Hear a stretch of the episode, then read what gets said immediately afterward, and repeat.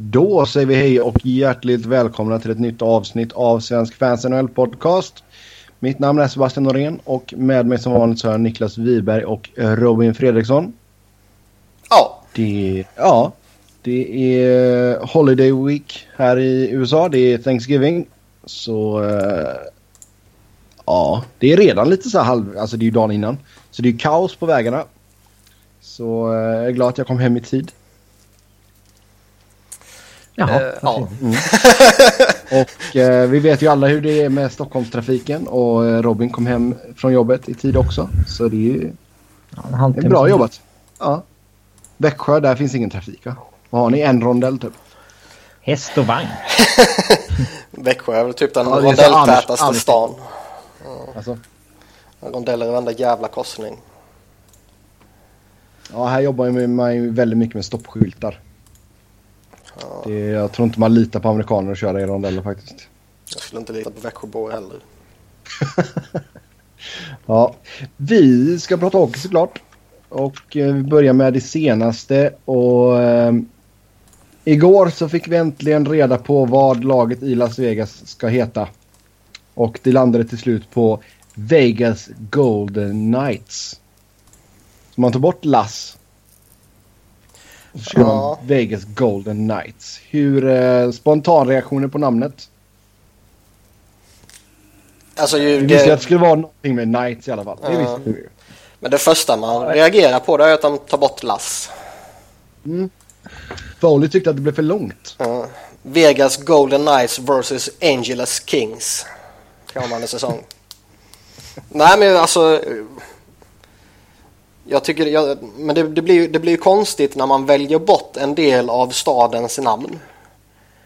Ja, fast sen ska vi ju säga att i folkmun här borta så säger folk väldigt ofta Vegas bara. Det gör man i folkmun i Växjö också. Mycket snack om Vegas i Växjö. ja. Du går ner på puben och så ja. bara ah, Vegas. Men nej men det är ju klart folk säger ju Vegas liksom. Men, men det blir ju mm. Jag, jag, tycker ändå det blir lite lustigt när man kortar ner eh, eh, liksom stadens namn. Och tycker man då det är för långt då får du väl ta ett kortare eh, smeknamn så att säga. Ja. Och skippa Golden typ. Mm, det var väl bara det. Alltså jag tror inte att de hade kunnat löst rättigheterna för att bara heta Knights va? Nej det är väl sant i och för sig. Svårt att säga. De ta något annat. Ja. Det hade ju kunnat varit mycket värre.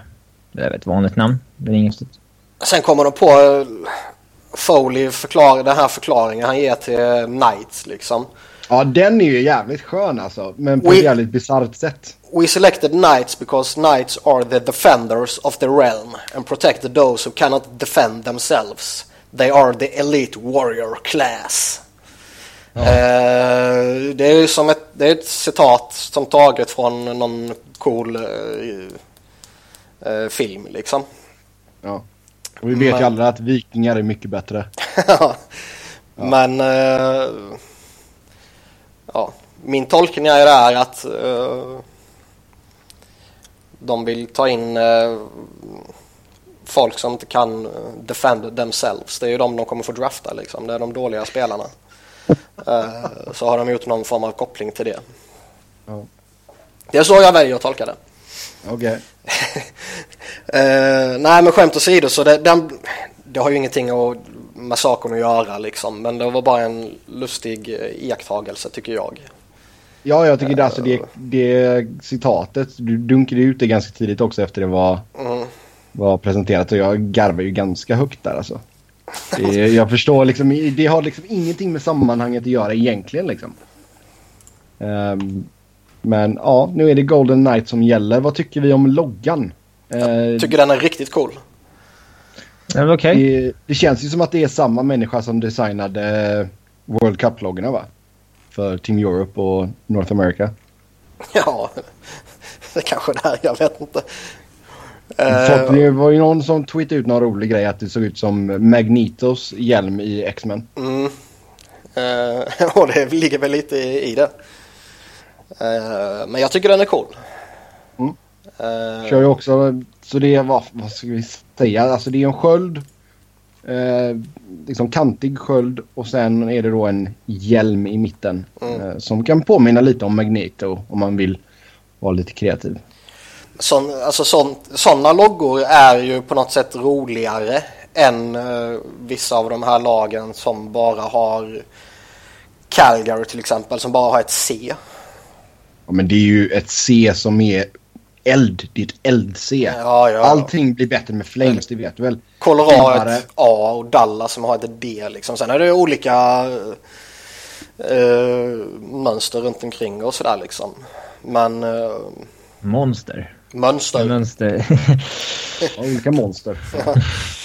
Men det blir... Hur, blir eh, hur kommer eh, maskoten se ut är ju frågan då. ja men vad fan. ja. Ja men, ja, men kolla här, grejen är så här. Jag var ju på Columbus mot Avs nu häromdagen. Och deras maskot är ju alltså skräckinjagande. Alltså tar jag med min dotter hon kommer ju börja gråta för att den är så himla... Alltså den är ju... Det är ju mardrömsfasoner på den ju. Skriv en insändare. Ja, Ring polisen. exakt. Ja, vi kan inte sitta och spekulera hur Las Vegas maskot Jo, det kan vi väl göra. Nej. kommer ju vara någon sån här alltså, riktigt bufflig eh, riddare tror jag. Det blir nog kul. Frågan är Jag ifall de... känner lite att jag inte riktigt går igång på maskoten. Alltså det är, nu är det svårt med is men annars så hade de kunnat ha någon som rider in på, på isen. De får väl köra eh, Monty Pythons variant av en Knight. The Black Knight. Mm. ja. Återigen det lite symbolik till liksom hur slagkraftigt laget kommer vara i början förmodligen. ja. Eh, sen vad säger vi om färgerna? Det är alltså... Ska vi se, nu hittar inte jag exakt vad de kallar dem. Guld och svart och grått typ.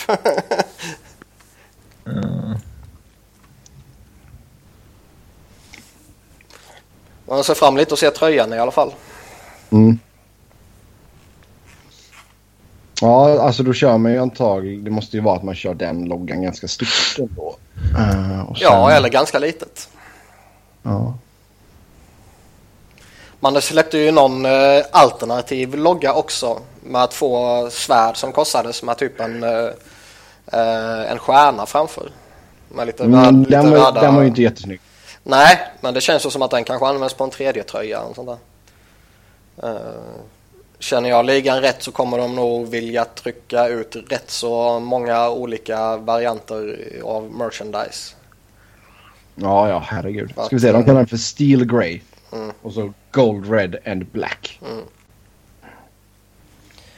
Eh, Men jag gillar färgerna, jag gillar loggan. Jag tycker namnet blir lustigt när man kapar halva stadens namn. Eh, Golden Knights känns väl också liksom, eh, fan det har ingenting med någonting att göra. Men eh, Okej namn, okej logga. Mm. Mm. Vi får se hur tröjorna blir här. Nej, vet vi när de kommer att presentera tröjorna? Blir det på vet faktiskt inte. Vet inte. Draften får Dustin Brown gå upp med den på. Annonserade ett första pick. Ja, Hur blir det med sen- draften förresten? De får inte ha... De är, de är bara med... Hur, kommer, hur, hur slängs de in i draftlotteriet? Är de med i den här sommarens draft? Ja, Ja. Eller hur... Vilken plats får de? Ja. Jag hörde något förut om att de skulle ha lika stor chans som alla andra, typ. Men alltså... Får de bara vilka odds, vilka odds får de? vet ej. Bra surr. Ja. Jag har inte börjat sätta mig in i draften ännu faktiskt. Nej, men jag minns ju att det här... Det var snack om det här förut, vilken plats de skulle få. Det var officiellt, men... Eh, jag har glömt vad det var. Ja, vi får komma tillbaka till det om vi kan. eh, Robin kanske kan gräva lite på internet och se ifall han hittar någonting. Nej. Jo, kom igen nu. Brent Burns blir en välbetald man. Han har signat ett nytt kontrakt med San Jose Sharks. Åtta år och eh, åtta miljoner i cap hit. Åh. Riktigt bra betalt. Det kan man nog inte säga. Eh, det går alltså ut när han är 24, 40 25. fyllda. Ja. är Men det var ju ändå rätt givet att han skulle få väldigt bra betalt. Ja, men man trodde ju antingen att San Jose skulle få vika sig med liksom, eller att Burns... Alltså inte att Burns skulle få både term och pengar. Nej, nu fick han ju verkligen jackpotten här. Trodde man att det skulle vara så en Dustin Bufflin-grej, typ att antingen det blir så här 4-5 år på 7,5-8. Eller så blir det 8 år på typ... Ja, lite mindre. Mm. Men här fick han verkligen max term och... Ja. Han tar inte en discount med lönen heller. Ehm, Nej, nej. Nej, ja, Men det är ju bra Nej, kontrakt för honom. ja, det är ju Ja. Underbart för honom. Han- Men, men liksom jämför han på- lite, han, han får väl ett, eh, nu, nu är det ju helt eh, olika förutsättningar med tanke på ålder och hela det här köret. Men han får ju någon form av liknande kontrakt som P.K. Subban fick ju. Ja, alltså det, ja, den stora grejen här är alltså han är ju absolut värd 8 miljoner som back. Det är inga snack om saken. Eh, Ja, idag ja. Frågan är om han är om fem år. ja. Men det går ut när han är mm, 40 fyllda som sagt. Mm. Eh, och frågan är om Brett Burns kommer börja tappa kring 32-33 eller 35-36 eller 38-39. Mm. Det är sånt där är jävligt svårt att förutse. Ja, tittar, man, alltså, tittar vi på produktionen så... Produktionen är ju bästa han har varit någonsin. Jo, jag menar det. Då har han ju liksom exploderat rejält här de senaste tre säsongerna liksom. Ja, han har ju verkligen hittat rätt som back i Mm. den rollen och så vidare. Alltså det, det är väl ingen vettig människa som ifrågasätter Brent Burns kompetens idag. Eller vad han har gjort de senaste åren. Eh, där är han ju en toppback i ligan. Många, sk- många skulle säkert, eh, vad heter det, sätta in honom som topp tre. Väldigt många skulle ha honom som topp fem. Och jag har svårt att se en Ingen människa skulle ha- sätta honom utanför topp 10. Exakt. Ehm, Då är man dum. Huvudet alltså, inte elak. Men... Eh, och jag tror väl att någonstans de kommande åren bör det ju inte vara några problem för, eh, för Sharks med... Eh, om man bara tittar på eh, hans situation. Sen är det klart att hans stora kontrakt och om det kanske blir något annat stort kontrakt så småningom också, det vet man inte heller. Kan ju också eh, påverka laget på andra sätt. Vi har ju sett hur eh, till exempel Toews och Kane påverkar Chicago och så vidare. Men om man bara tittar på hans del så är det väl eh, de första eh, tre, fyra åren på kontraktet bör man ju inte behöva oroa sig för tycker jag. Nix! Även om han nu Nej. vid 31 års ålder börjar svalna av lite om två år så eh, bör han väl fortfarande ligga på en så pass hög nivå de kommande åren att han producerar på en bra nivå. Ja, alltså det kan ju vara också så bara att han kommer in i sin prime här sent och att det kan hålla upp i ganska många år. Man vet Man ju aldrig. Alltså, ja, man vet ju aldrig. Vissa spelare kan ju åldras extremt graciöst. Niklas Lidström är väl typexemplet på det. Zdeno Chara var ju väldigt duktig i eh, väldigt hög ålder. Det är ju först mot slutet han har börjat falla av lite. Uh, har ju några andra åldermän i Sharks också som faktiskt eh, ser rätt bra ut trots att de är gamla. Mm, Patrick Marleau, uh, lite nytändning. Ja, det var väl i synnerhet Joe Thornton jag syftade på i och för sig. Ja, ja, men han har ju, han har ju varit bra i många, många år. Jo. Jo.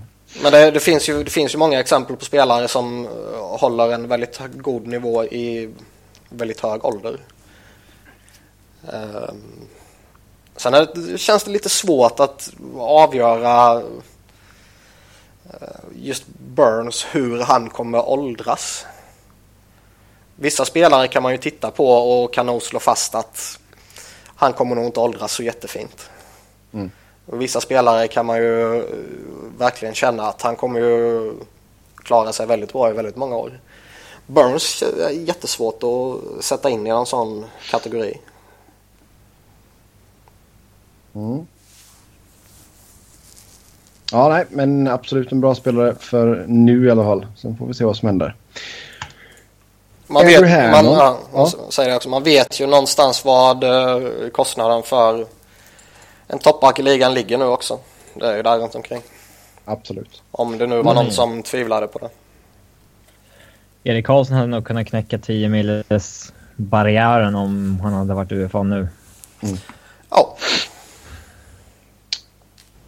Då går vi vidare. Andrew Hammond, Ottawa, passerade waivers.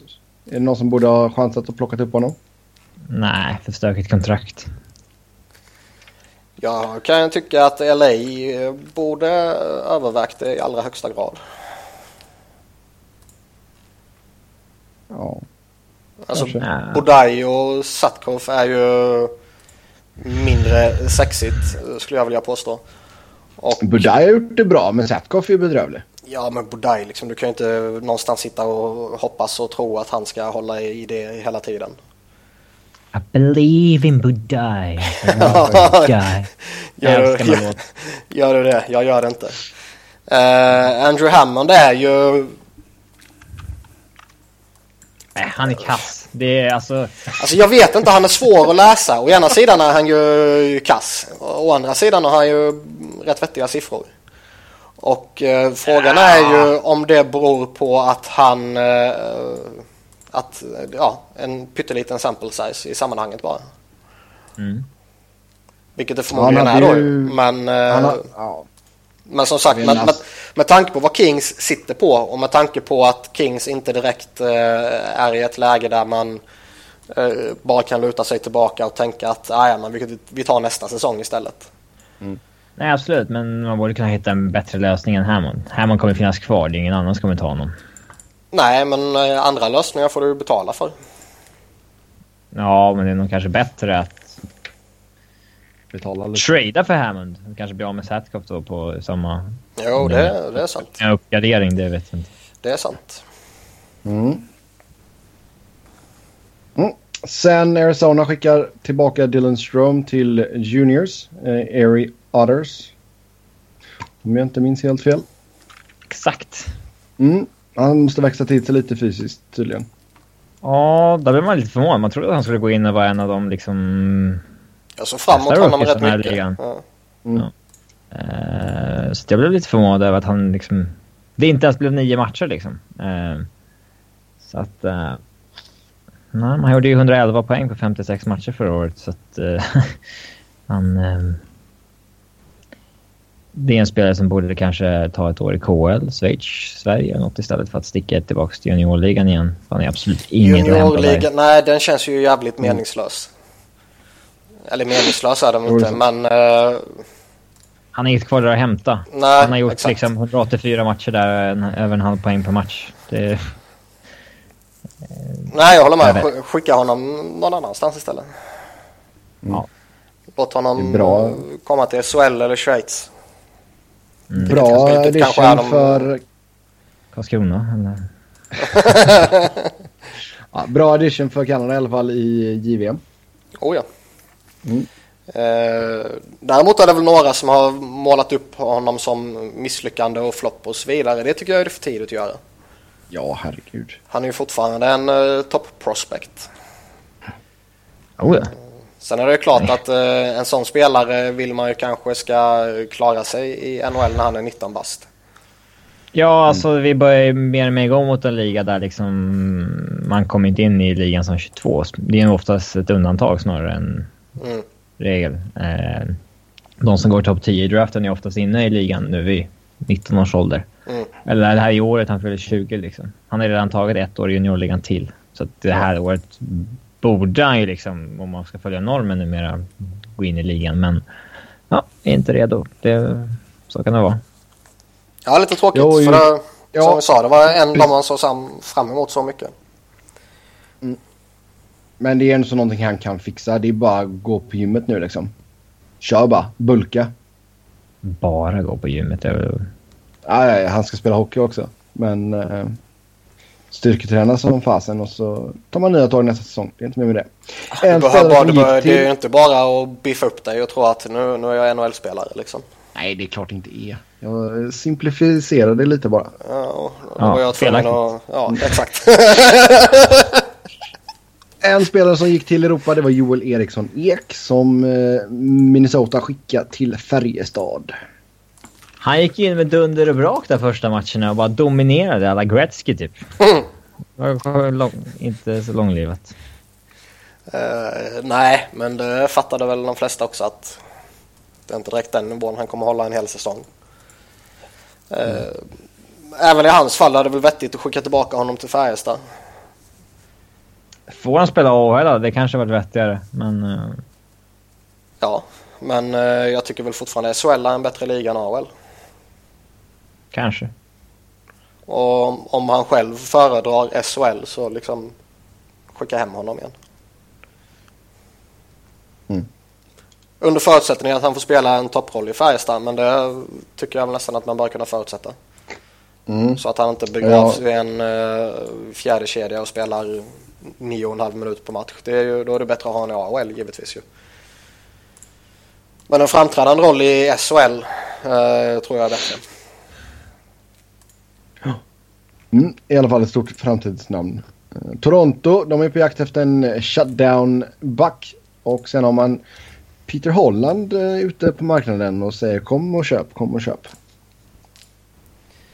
Man funderar ju lite hur, hur de, alltså vilken sorts shutdown-back de ser framför sig. Ser de Roman Polak som en shutdown-back liksom? Är det den spelaren de vill ha? Ja, wow. Eller, eller, eller vill de ha den moderna shutdown-backen? Som klarar eh, allt liksom. Ja, är det liksom en Hjalmarsson light eller är det en... eh, ja, Grossman pålagt typ? Mm. Det är en intressant fråga. Eh, sen kan jag väl hålla med om att de behöver eh, lite hjälp. Och eh, med lite hjälp så menar jag ju inte den eh, spelartypen eh, Polak Grossman så att säga utan då menar jag ju mer åt Hjalmarsson-hållet så att säga. Men eh, jag har ju pratat om Toronto tidigare. Det är svårt att veta lite var de står numera också med tanke på att de har gjort väldigt många bra grejer de senaste säsongerna här. Och sen i somras bara eh, hafsar de fram med lite eh, konstiga saker. Balla ut totalt! Eh, så det är svårt att, att liksom sätta fingret på exakt hur de resonerar. Eh, det vore ju jätteskoj om de eh, går in på lite old school-tänket återigen och plockar upp den där spelartypen som ja, Polak-typen då så att säga. Det skulle vi gilla. Mm. Sen, Sen, Peter Holland är väl eh, ja, Nej. Alltså, han, han, han är väl en spelare, han ska väl alltid vara eh, på marknaden liksom. Ja. Sen är det inte så att du Forever dagligen behöver, ja, men det är inte så att du dagligen behöver ringa runt och, och försöka kränga honom. Men eh, han är ju inte så pass bra så att eh, han inte, eller han, han, han är så pass dålig om man säger så, så att han alltid ska vara tillgänglig om det är någon som behöver en spelare. Och det är ju inte en spelare som du får någonting för. Han har gått och blivit lite för gammal tycker jag. För några år sedan kunde han fortfarande räknas som någon form av, ja men det kanske blir en late bloomer och blir något riktigt bra och så vidare. Men det känns lite som att det är förbi nu. ja. Sista året på kontraktet 1,3 miljoner sen en RFA. Det känns väl inte som man är jättesugna på att ge honom ett qualifying offer där. Mm. Det kan man förstå varför han är tillgänglig.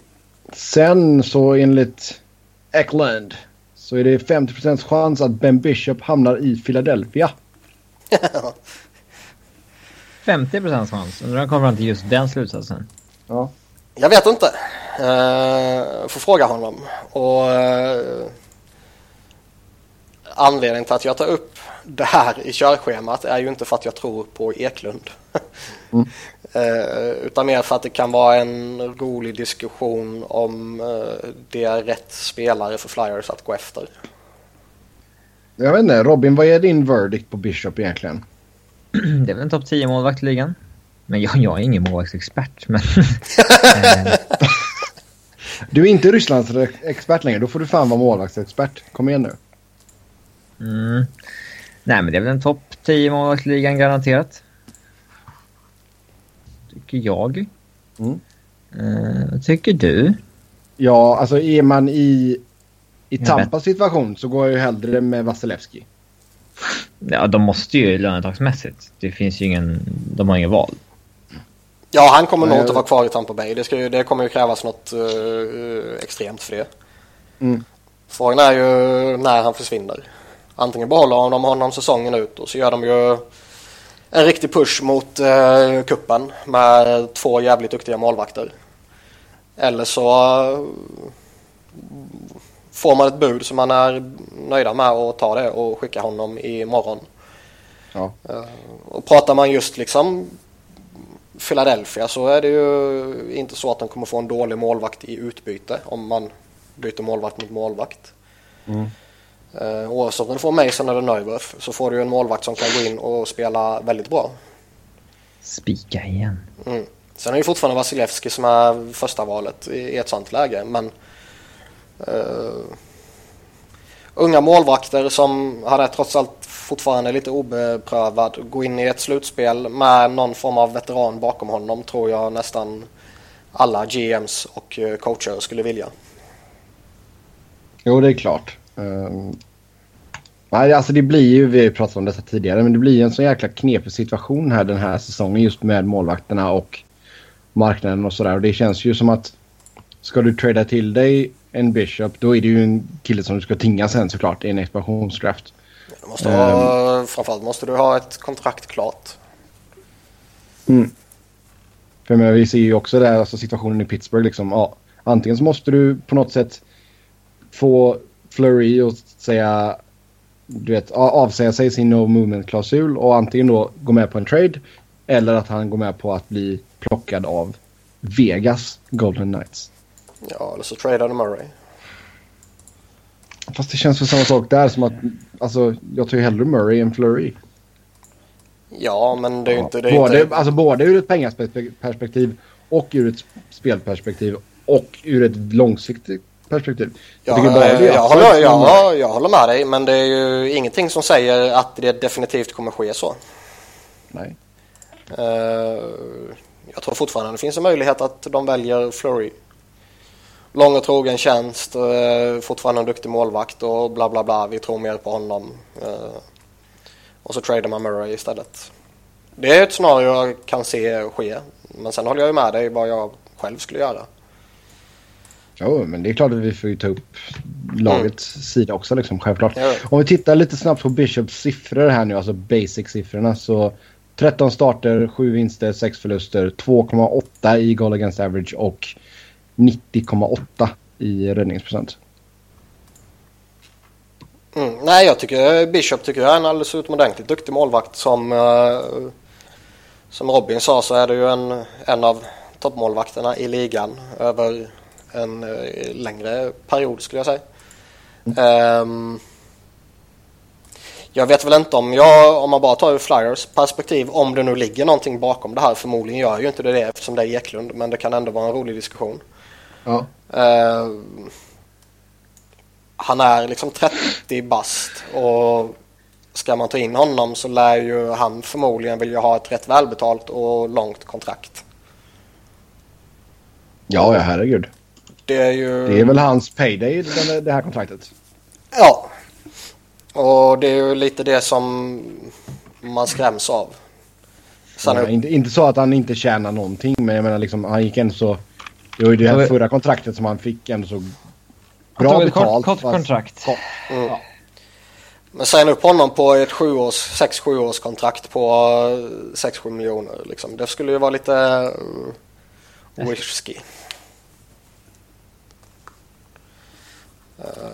Så det är, det är väl det som skrämmer Ja. lite. Ja, hur gammal är Mason? 31 kommer han fylla i eh, december. Nej. Okej. Nej, han fyllde tre- 30 nyss. Så han, Mm, eh, han är 30 fyllda nu.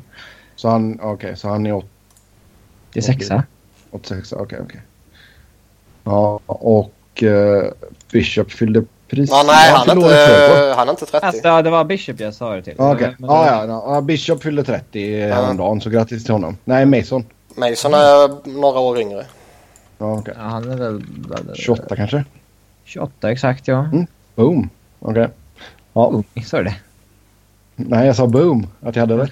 Eh, så Niklas, Mm. om du var i Phillies eh, ledarstab där, hade du varit mer liksom sugen på att ge Mason ett sjuårs än Bishop ett sjuårs?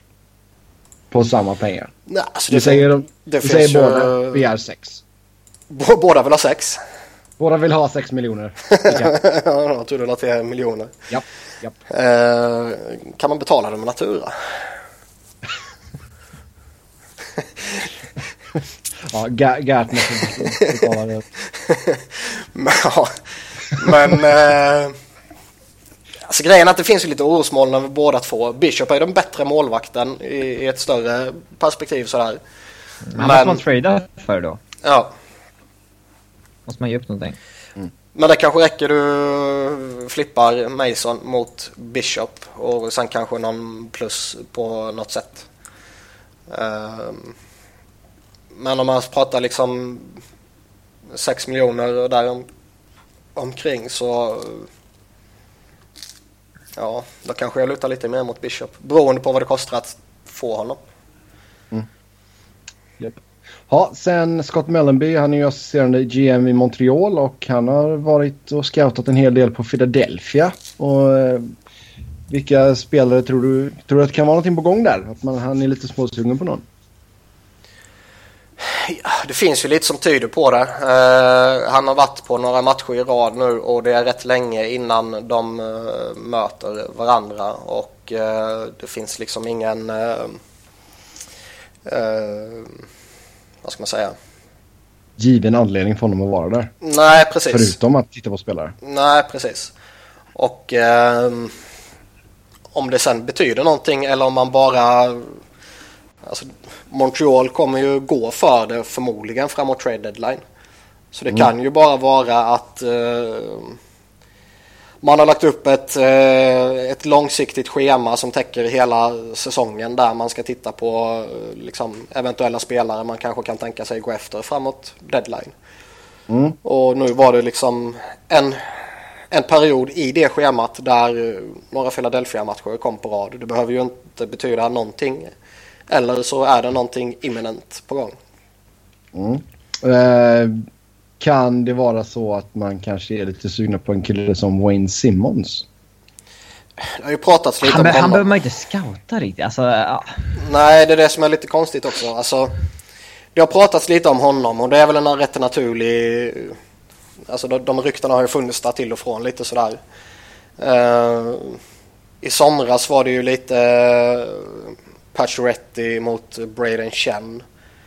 Eh, Mm. ja, med ett stort plus på Phillies sida antar jag. Ja, Ja. Eh, med lite motivering att det är det enkla sättet att ge kaptenens rollen till Showweber.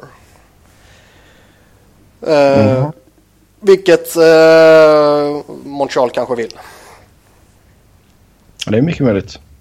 Sen har det pratats Det lite, de, de behöver ju, alltså, de fick ju lite, de har ju lite behov av defensiva förstärkningar också kanske. Eh, Man skulle ju kunna, man skulle ju kunna se att de liksom scoutar eh, Mark Strite. Alltså att de försöker Mm. se vart han står liksom. Mm. Hur, mycket har han kvar i sig och hur... Ja, men de fick ju Belieu skadad Mm. till exempel och behöver väl kanske en back då. Och då är väl Mark Strite en sån som man kanske eh, kan tänkas undersöka. Jag tror Mm, ju jag tror inte att Philadelphia är så jättesugna på att släppa Gudas om det inte är ett bra bud som kommer in. Mm. Han är rätt viktig för dem. Sen det fanns ju någon, någon jävla skräpsida som la, slängde ur sig att eh, det finns ett rykte om att Ghost Bear är på gång till Montreal. Liksom. Att han är, eh, han är i revolt med ledningen i Philadelphia och eh, han är bla bla bla bla och de kommer inte överens och det är kaos och det är, han har varit jättedålig denna säsongen och det var ju bara lögn efter lögn efter lögn som slängdes ur sig bara och någon random jävla idiot hade skapat sig en, en hemsida och slänger ur sig det där liksom. Så du säger alltså Ghost mot Markov då? Ja, eller hur? Ja. Men, men sen, sen, är det ju, sen är det ju lite som Robin säger att vissa spelare behöver man inte scouta. Alltså, men det kanske bara kan vara så att han vill ha ett par matcher och se honom och säga att det här är precis den fitten vi behöver. För han har, alltså Simon snackar jag om nu, för han har en så två år kvar på kontraktet efter detta året. Jo. Men återigen, Eh. alltså en spelare... I Philadelphia är det ju några spelare som du behöver, överhuvudtaget inte bör, liksom, behöva scouta. Det är ju Joe, Voracek och Simmons och liksom Ghosts på her kanske. Couturier. Ja, kanske. Eh, men, men de ska du redan ha så pass bra koll på. Däremot om det finns, som Robin nämnde, Mark Strite. Vilken status har han numera liksom? Kan han åka skridskor? Ser han bra ut? Eller luras man lite av att han har lyckats peta in några poäng här och där under säsongsinledningen? Det kan ju faktiskt vara en väldigt relevant sak att kolla. Mm. Och då behöver du ju kolla några matcher. Då räcker det inte att sätta dig och titta en period. Liksom. Och sen den andra perioden så står du och snackar skit med Ron Hextall och den tredje perioden käkar du popcorn. Utan då måste man göra några eh, matcher. Jag tänkte säga äta korv men ja, popcorn funkar också. Ja. Eh, så jag, jag, jag tror väl snarare det är något sånt där som kan vara på gång. Mm. Ja, sen har vi Carolina. Man eh, vill använda, eller det sägs att man vill använda Ryan Murphy som tradebait. Och eh, man ska ha fått lite smånapp där av åtminstone tre lag. Ja. Det kan vara vem som helst som är intresserad av en sån spelare. Ja. Vem som helst. ja. Det är Men om du ska eh, gissa korrekt. vilt på tre lag. Höfta. Ja, man vet ju inte om Montreal är där och sniffar också. Om de behöver backhjälp. Mm. Eh, ja. Det är svårt. Som svårt. Ja, det kan ju vara i 30 lag för fan. Ja. Men ja, definitivt en spelare som borde vara intressant för många. Då ska vi eh, dra... eh, Nej, vi ska inte dra rätt svar utan vi ska dra vinnarna. Och Niklas ska säga vad rätt svar var i våran tävling som vi hade förra veckan i samarbete med Playmobil. Så Niklas, take it away. Eh, tack. Vad var det man vann nu igen? Eller kunde vinna? Man vinner ju en... Bil! ja, exakt. Eh, nej, man vinner en sån här adventskalender från Playmobil med NHL-tema då. Mm. Som är eh, rätt cool tycker jag personligen. Och Men alltså eh, är det typ en pytteliten gubbe i varje lucka då eller? jag vet inte, jag har inte eh, fått någon. Jaha. Jag tänkte att du satt och lekte med en nu. nej, faktiskt inte. Ehm, men frågan som man skulle svara på var ju då att NHL är ett tema från Playmobils serie Spot och Action. Men Playmobil har också samarbeten med andra varumärken. Ett av varumärkena är en välkänd tysk lyxbilstillverkare. Vilket märke? Och rätt svar var då Porsche. Det är korrekt. Eh, Det är enda sättet för mig att äga en 911. ja, ja, ja, ja. I11 är ett Porsche-sort eller? 911, ja. En Carrera. Det är en fin bil. Mycket fin bil. Ja, jag kan inte sånt där trams. Nej, nej, nej du kör häst och vagn. Det har vi redan slått fast ju. Jajamän. Eh, nästan alla som har skickat in, vi fick in ungefär 30 svar. Eh, Nästan alla satte Porsche. Nästan alla sa Citroën. Folk, Volkswagen. Och eh, nu kommer vi alltså, det är ju några som har försökt eh, fjäska för mig. Eh, vilket ju är eh, smickrande. Och jag brukar eh, ofta vara mutbar, men inte när det kommer till eh, andras saker. Nej då, skämt åsido. Men det är alltid skoj att, att få lite smicker. Men vi kommer alltså lotta ut det här.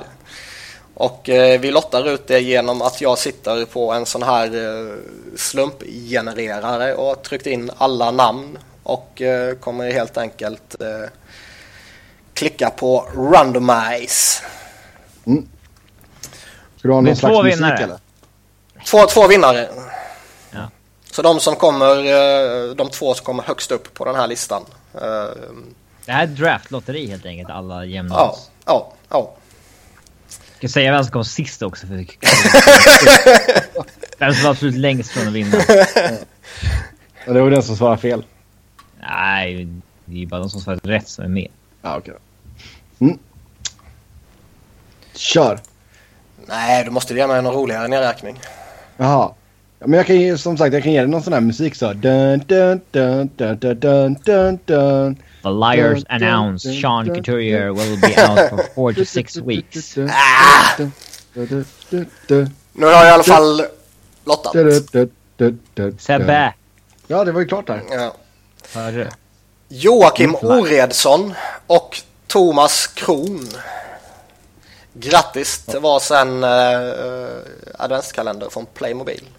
Mm, vad sa att den första killen hette? Joakim? Oredsson och Thomas Ja. Kron. Sådär ja. Grattis, grattis säger vi. Grattis, grattis. Jag kommer uh, hojta på er så uh, styr upp någonting. Perfekt. Flyers announce Sean Couturier will be out four to six weeks. Med. Lower body injury sustained last night versus Panthers. Mm. Det är ju spontant lite jobbigt. Ja. Kan jag tänka mig. Uh, med tanke på att vi uh, i dagsläget... Gillar honom. Ja, gillar honom. Men att vi i dagsläget liksom står utan andra center och tredje center. ja, just det. Boyd är borta också. Ja, Boyd har ju fan ingen tredje center.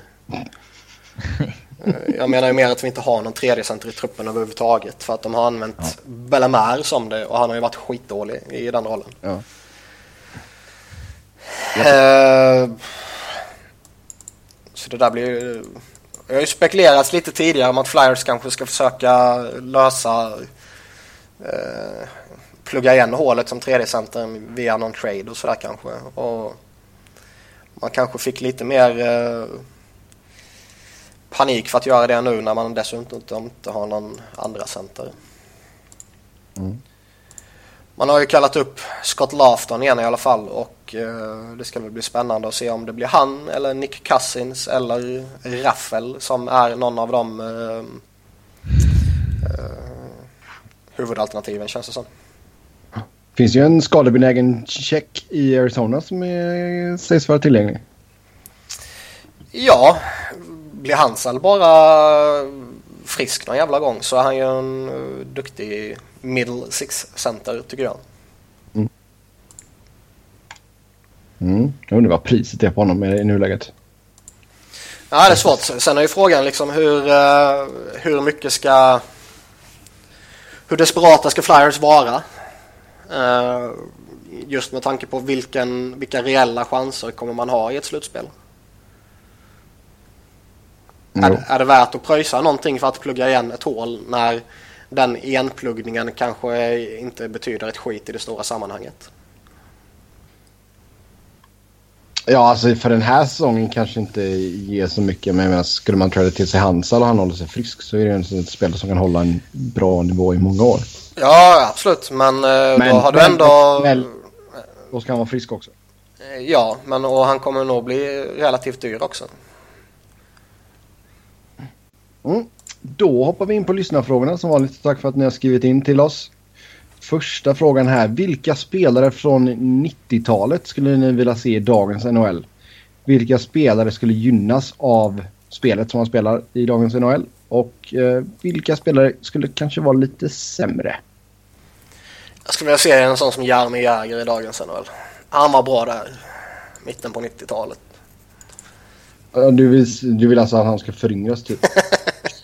Nej jag, nej, jag försökte skämta men du förstörde ju allting ju. Mm. Jävla Sebbe. Hans hockeyfrilla var ju bättre back in the days i alla fall. Fast den är rätt bra nu också. Ja, det är den. Det är den. Stilig herre. Eh, Nej men alltså sp- ja. spontant tänker jag mig kanske lite mindre spelare som kanske var lite kvickare och ettriga och sådär. Theo Fleury kommer ju på tanke. det var faktiskt den första jag kom att tänka på. Mm. Fleury, Pavel Bure, Paul Kariya. Ja, alltså Bure, om inte de hade fått hooka honom nu. Jävlar. Ja. Eh, sen kanske han fortfarande skulle ha sina skadeproblem och så vidare. Och uh, Carrier kanske fortfarande skulle eh, har sina hjärnskakningsproblem och allt vad det innebar. Men just de, de spelartyperna som var så extremt duktiga under 90-talets förutsättningar. Det skulle vara jävligt spännande att se dem i dagens förutsättningar. Hur tror du Wayne Gretzky hade klarat sig? Klassiskt. Hade han- han- Gretzky would jo, have not been absolut. anything special. In, Men det- men det- det är så- att han har varit lika dominant alltså?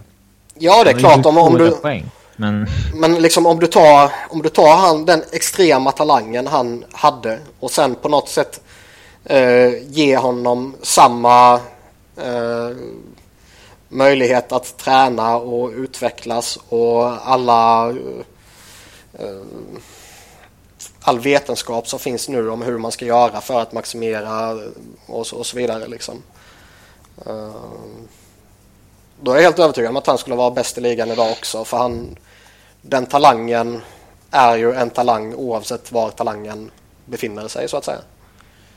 Men däremot bara ta den Wayne Gretzky som växte upp och som tränade på det sättet och som åt på det sättet. Bara slänga in han i ligan. Kanske inte skulle vara något speciellt. Eh, det vet, det nej, vet nej man alltså det är svårt att ta... Alltså det är ingen som... Alltså Bob- Bobby Orr hade ju inte åkt åttor runt folk idag heller. Nej. Eh, men hade han vuxit upp idag så hade han ju förmodligen gjort det. Mm.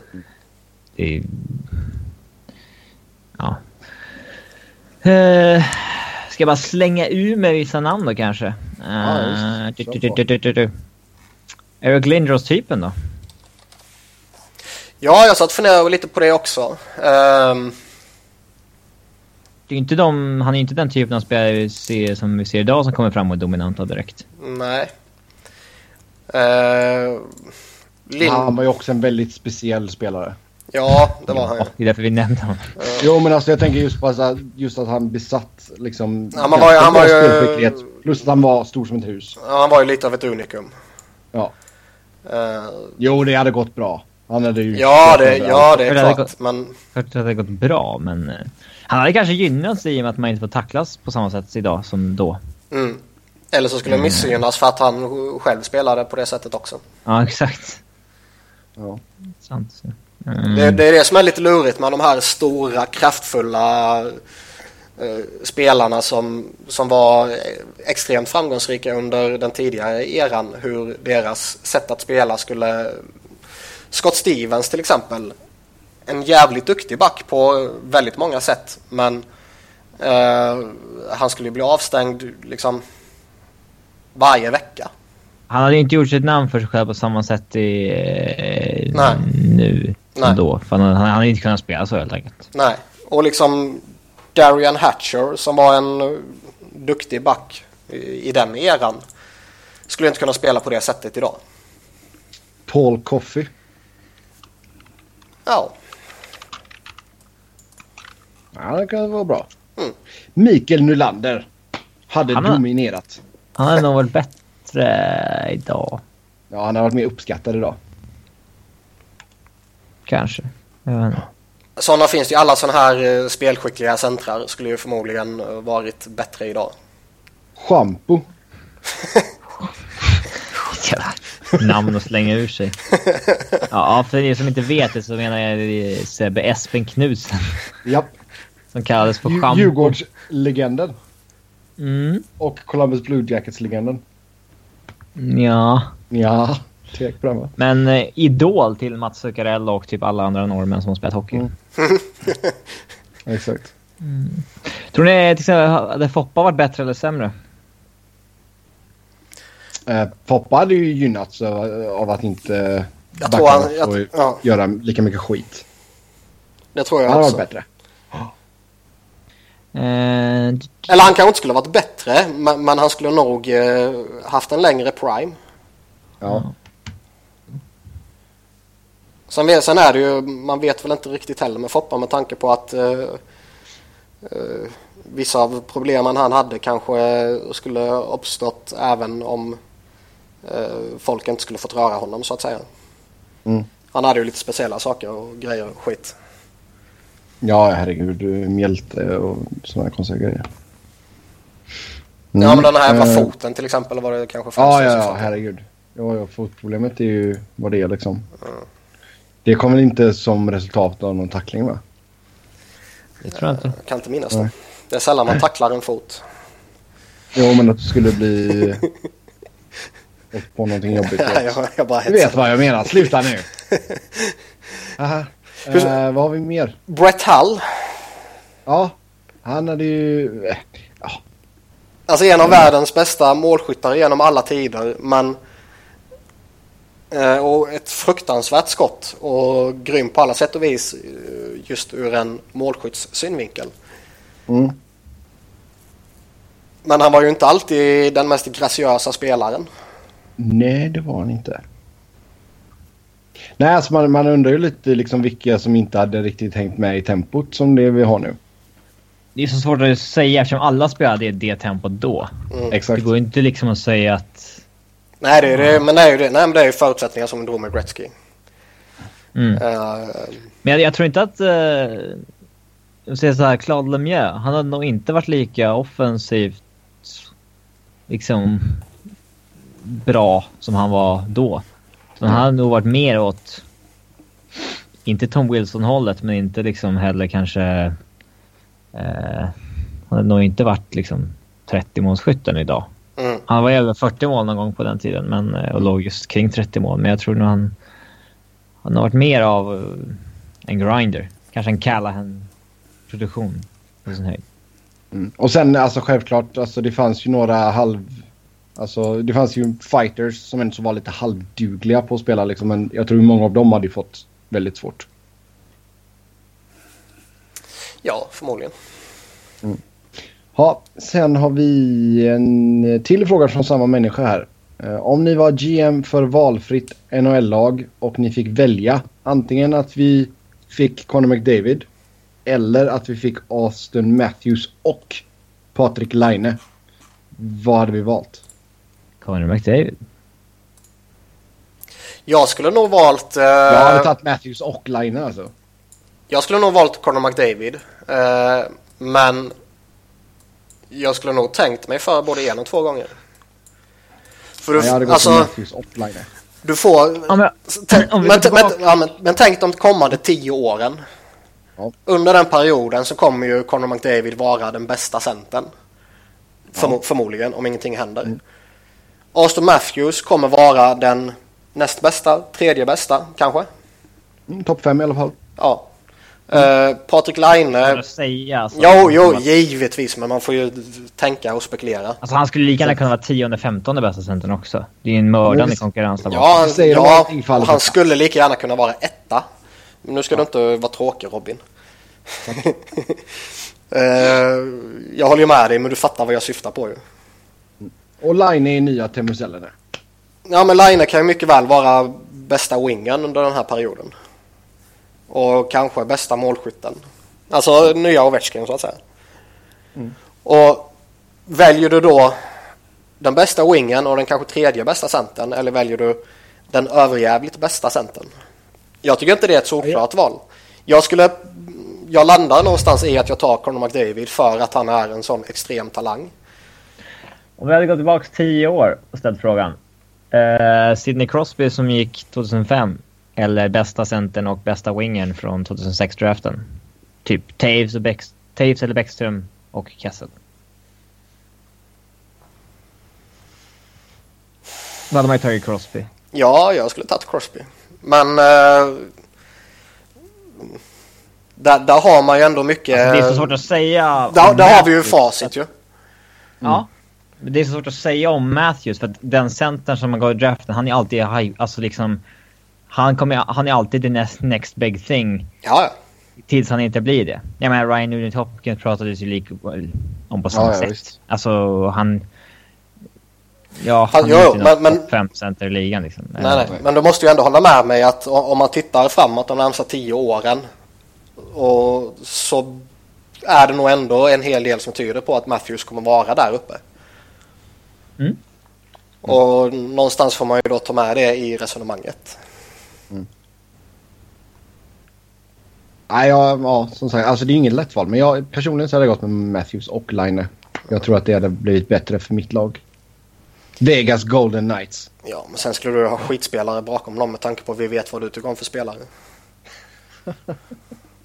Om du hade fått ta Claude Giroux och Phil Kessel. Ja, då är det klart jag väljer Giroux. Bara, Ja, bara, alltså- bara Giroux alltså, Peter Kessel. Bara Giroux istället för Crosby. Ja, det är bra. Du får Patrik Berglund och uh, ska vi se, Mikael Frolik. Två killar som gick i första rundan 2006. Ja, vi hoppar vidare. Och uh, hur hade ni agerat i Anaheims situation sett till att man måste skydda tomten, Biaxia, Kevin alltså, i uh, sommarens expansion draft? Ska man byta bort Fowler eller Vatanen? Man lär ju knappast få något bra då det enda laget kan använda det till sin fördel då att man är tvungna att skydda Bieksa. Alltså trada bort Vatanen är ju fel. Ja. Ja, alltså man behöver ju inte... det. Mm, ja, vad kan man skydda här om man är Anaheim? Ska vi dra upp den här expansion draft grejen här på Cap Friendly lite snabbt? Alltså det, det, Då det, är det, det är ju alltså- inget tvång att du måste välja att dumpa någon av dem. Så vi ser. Som det är just nu då så måste man skydda Perry, Getzlaff, Kessler och Bieksa. Mm. Så då... Och grejen är att du, du, får ju, du får skydda sju forwards, tre backar och en målvakt. Eller åtta utespelare och en målvakt. Mm. Så då tar du alltså... Så Bie- Bieksa skyddas ju per automatik då ju. Och sen Mm. Lägger du beslag på Lindholm och Vatanen och Fowler om du nu vill det. Ja, och sen, Sen har du- Rakell. Ja, sen har du Perry, Då Getzlaff och Kessler. Då ryker ju och så får Silverberg man, eller Cogliano. ja, och så får man välja någon av dem istället. Så Det jag, valet står väl mellan liksom Silverberg eller Fowler typ. ja. Och... Eh, så, så, Det är ingen mördande situation liksom. Vad fan, det är... Nej, skulle det däremot, varit, skulle det däremot bara varit så här att det här åtta utespelare, vilka positioner du vill, att det alternativet inte fanns. Utan det bara var sju forwards, tre backar och en målvakt. Då skulle det vara en legitim, ett legitimt problem. Uh, ska vi välja Vatan eller ska vi välja Fowler och hur får vi ihop den här... eh, eh, vad heter det? Får vi ut något maximalt värde i en trade när de vet den här situationen, alla andra? Nej. Nej, det är sant. Nej, nej, alltså det är klart att andra lag hade kunnat spela på det. Eh, Mm. Men som sagt, man kan alltså klara sig ändå. Sen är det ju självklart surt för dem att mm, vara tvungna att skydda Bieksa. Ja, men det får de skylla sig själva för. Ja. Sen, Är man dum i vad- huvudet så är man. sen vad tycker vi om uh, Evgenij Kuznetsov? Har han inte börjat lite svagt? Frågetecken. Jag har inte sett Washington så, så mycket i detalj så jag kan säga ja eller nej på den frågan. Nej, jag har sett dem lite för lite också. Eh, produktionsmässigt så och sådär så finns det väl fortfarande lite eh, mer att ta givetvis med tanke på att han inte ens ligger på halv poäng per match. Ja. Men det är också ett gäng spelare det händer i början helt enkelt. Mm. Alltså om den här co- cold streaken skulle skett under säsong tänker ingen på det. Sker i början så visst. Nej men fan vad hade... Patrick Bergeron har ju fem poäng på 16 matcher också. Mm.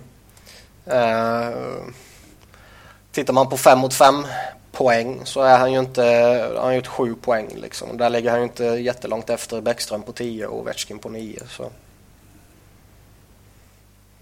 Kommer man points per 60 ligger han ju lite längre ner men man bara tar poängen. Ja, det är sant. Mm. Jag vet inte om det, han har väl... De har väl kastat runt ganska duktigt med hans kedjekamrater va?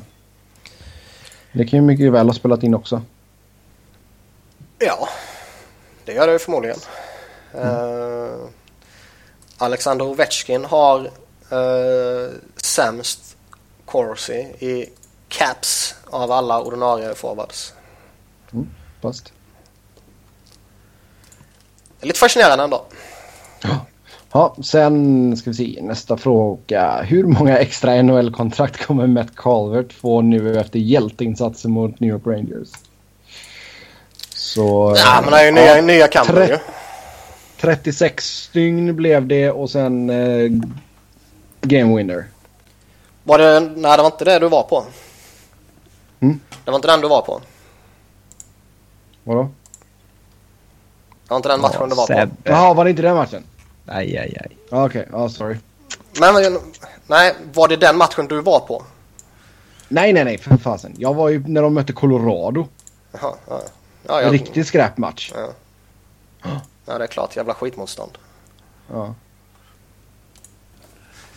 Annars kan jag tänka mig, ä- även om det givetvis är extremt äh, överhypat och bara lite sådär allmänt äh, tramsigt, så kan jag tänka mig att äh, det skulle nog kunna vara häftigt att vara på plats när en sån sak sker. Och, och då menar jag inte att se en människa bli skjuten i huvudet. Nej, det är... Utan då, då menar jag att man kommer tillbaka från något eh, mindre trevligt och bli hjälte på det sättet. Och liksom, den stämningen då kan jag tänka mig kan vara rätt häftig att uppleva. Fast den jävla kanonen alltså. Ja, den är ju hemsk ju. Ja, den var ju ännu värre på plats kan jag säga. ja, det Och så den förbannade maskoten också. ja. Men det är han... Eh, Nu är han ju inte penning UFA. Eller RFA för den delen heller. Men skulle han varit det så kanske han skulle kunna eh, skaffa sig ett rykte som någon jävla hjälte liksom. Men sen samtidigt, Campbells var ju... Det var väl i slutspelet jag för mig va? Mm. Och det ger ju lite mer eko.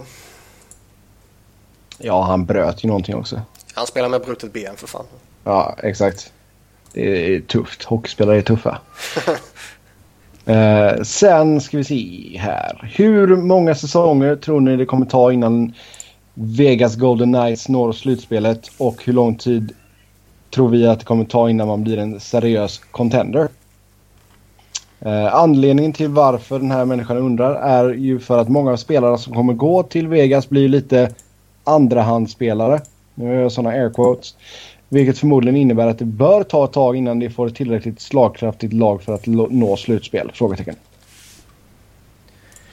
Ja, Alltså tittar man på eh, vilket lag de kan få om man bara tittar på om man bara gör en expansionsdraft. De kan ju trada hej vilt så de kan ju få ett jävla superlag ju.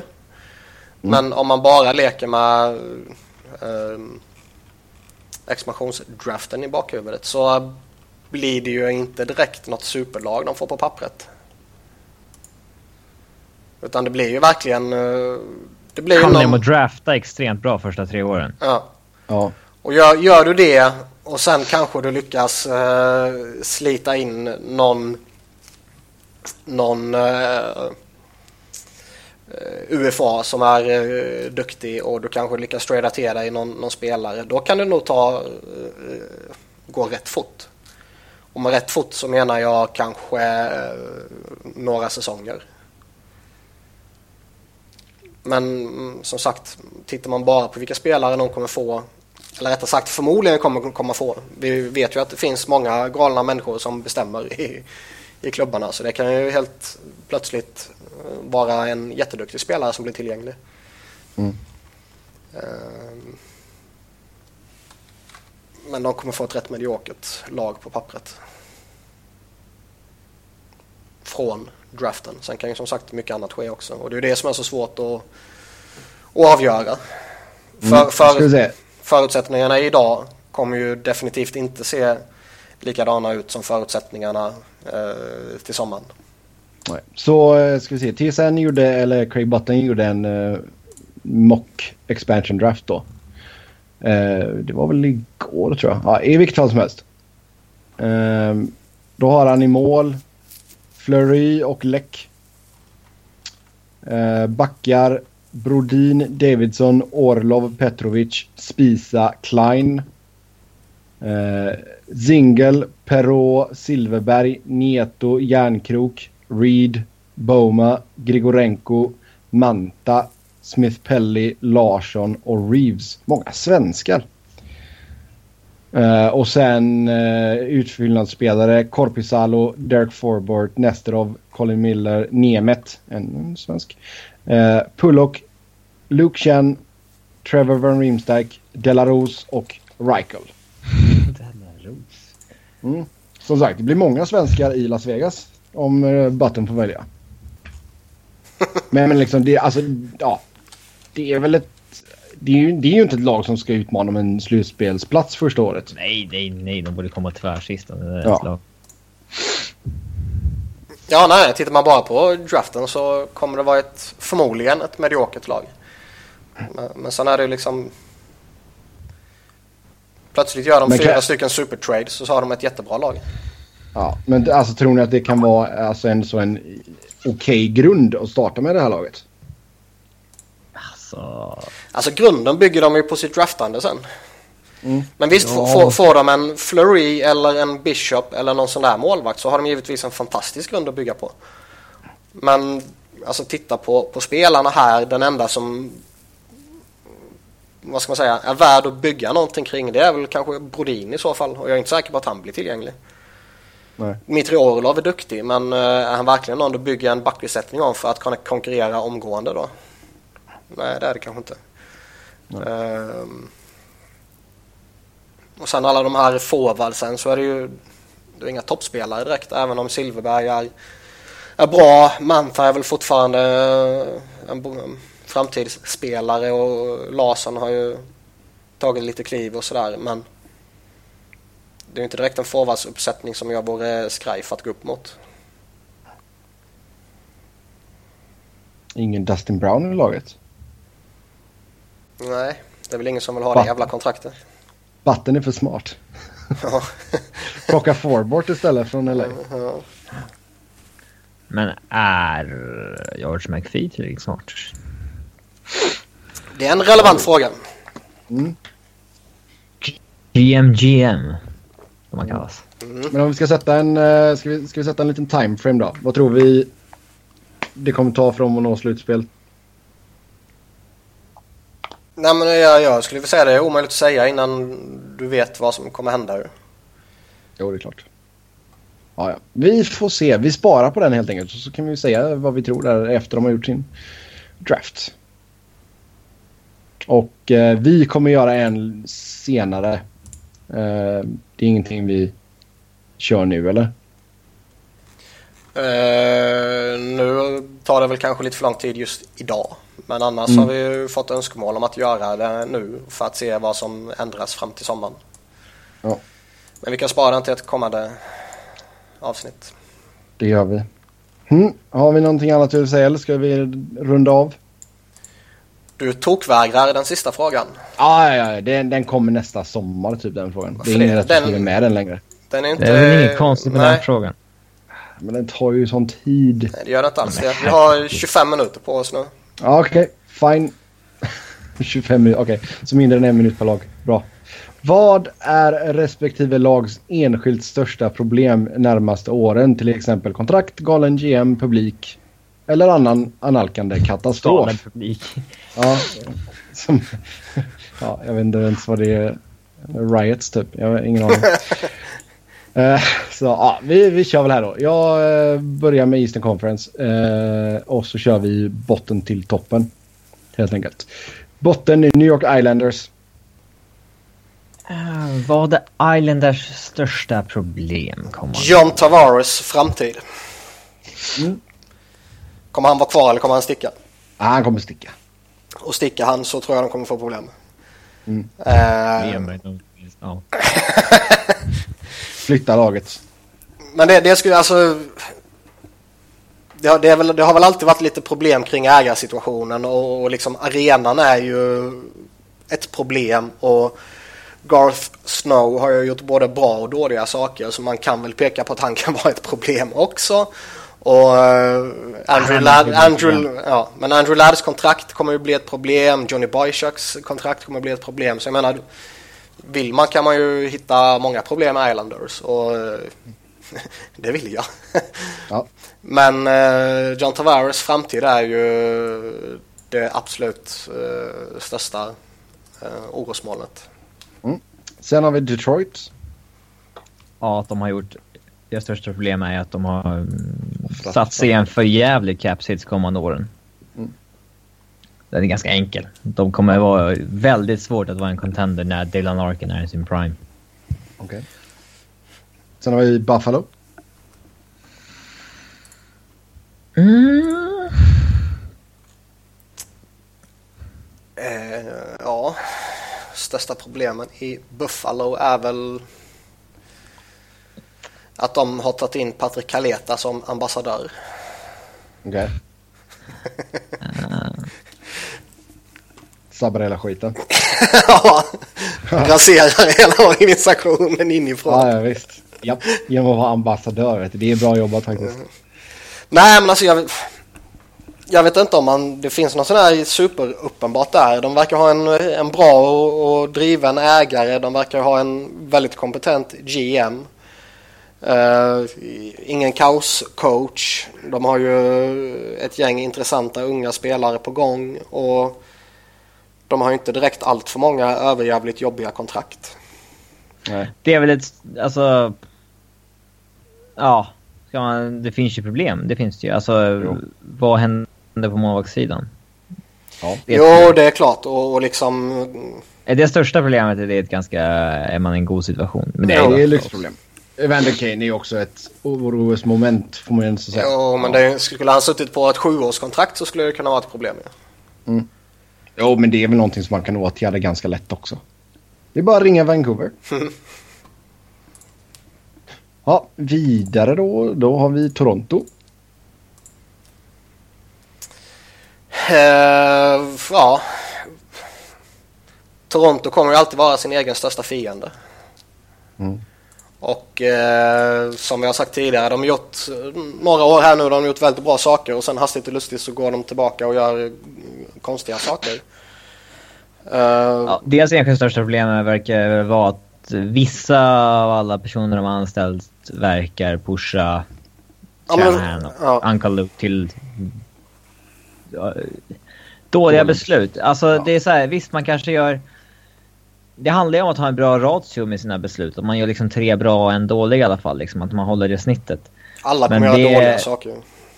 Ja, men att... Om man fortsätter att så här... Om man går, fortsätter gå i fälla med Matt Martin-typer och Roman Pollock-typer någonstans för att de killarna som gillar dem ska få sin vilja igenom också, då är det ett jävligt stort problem. Mm. Ja. Det kommer vara jävligt svårt att vinna då. Eller utmana. Carolina. Allt. Allt. Oj. Så kan du inte säga om di- dina nya älsklingar.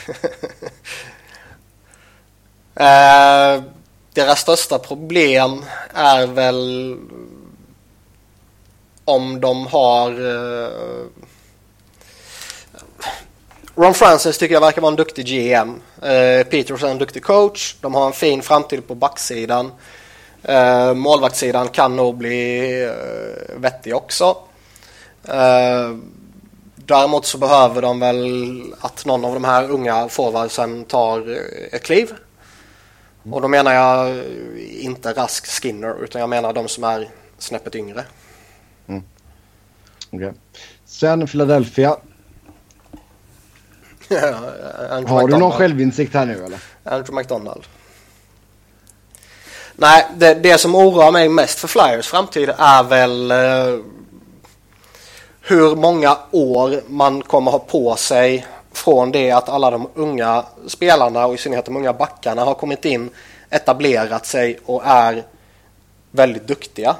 Samtidigt som den äldre kåren, alltså Joe, Voracek, Simmons och så vidare, hur många år de har under den perioden innan de börjar falla av.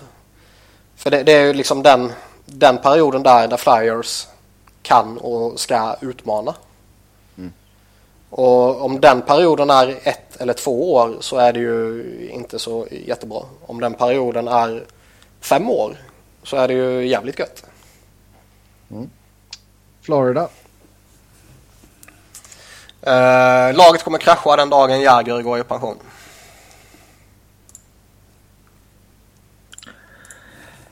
Uh, Jag vet inte om ekonomin i Florida är ett problem. Är den verkligen det? Verkar inte så. Nej. Och liksom jag menar, sk- skulle de ha skulle de ha problem med ekonomin så skulle de verkligen skrivit så många långtidskontrakt. Nej. Alltså Barkov, Trocheck, Bjugstad, Smith, Huberto, eh, Jandal, Demare, Ekblad, Bobby Lou har de och sen eh, Reimer på det.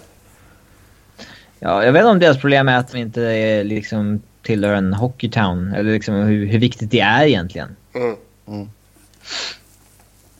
Kanske inte ett dugg viktigt. Nej, det är bara att titta Alltså- på hur många eh, stolar som är tomma. Så där kan jag nog hålla med om att det är det som eh, är det stora problemet. Orosmomentet i alla fall. Ja. Samtidigt så står, alltså nu, nu är detta väl eh, kryddade siffror men det står ju ändå så att de har fyllt arenan till 82,7 procent i snitt på hemmamatcherna. ja, men det stämmer ju inte. Carolina ligger sist på 60. Det är ju riktigt eh, bedrövligt faktiskt. Det ska jag faktiskt säga också att jag var förvånad över hur tomt det var i, på matchen jag gick nu i Columbus. När laget ändå har gått så pass bra. Ehm, men ja, vi får se om det är Columbus problem. Det, det kommer snart här. Men först New Jersey. Oj. Eh,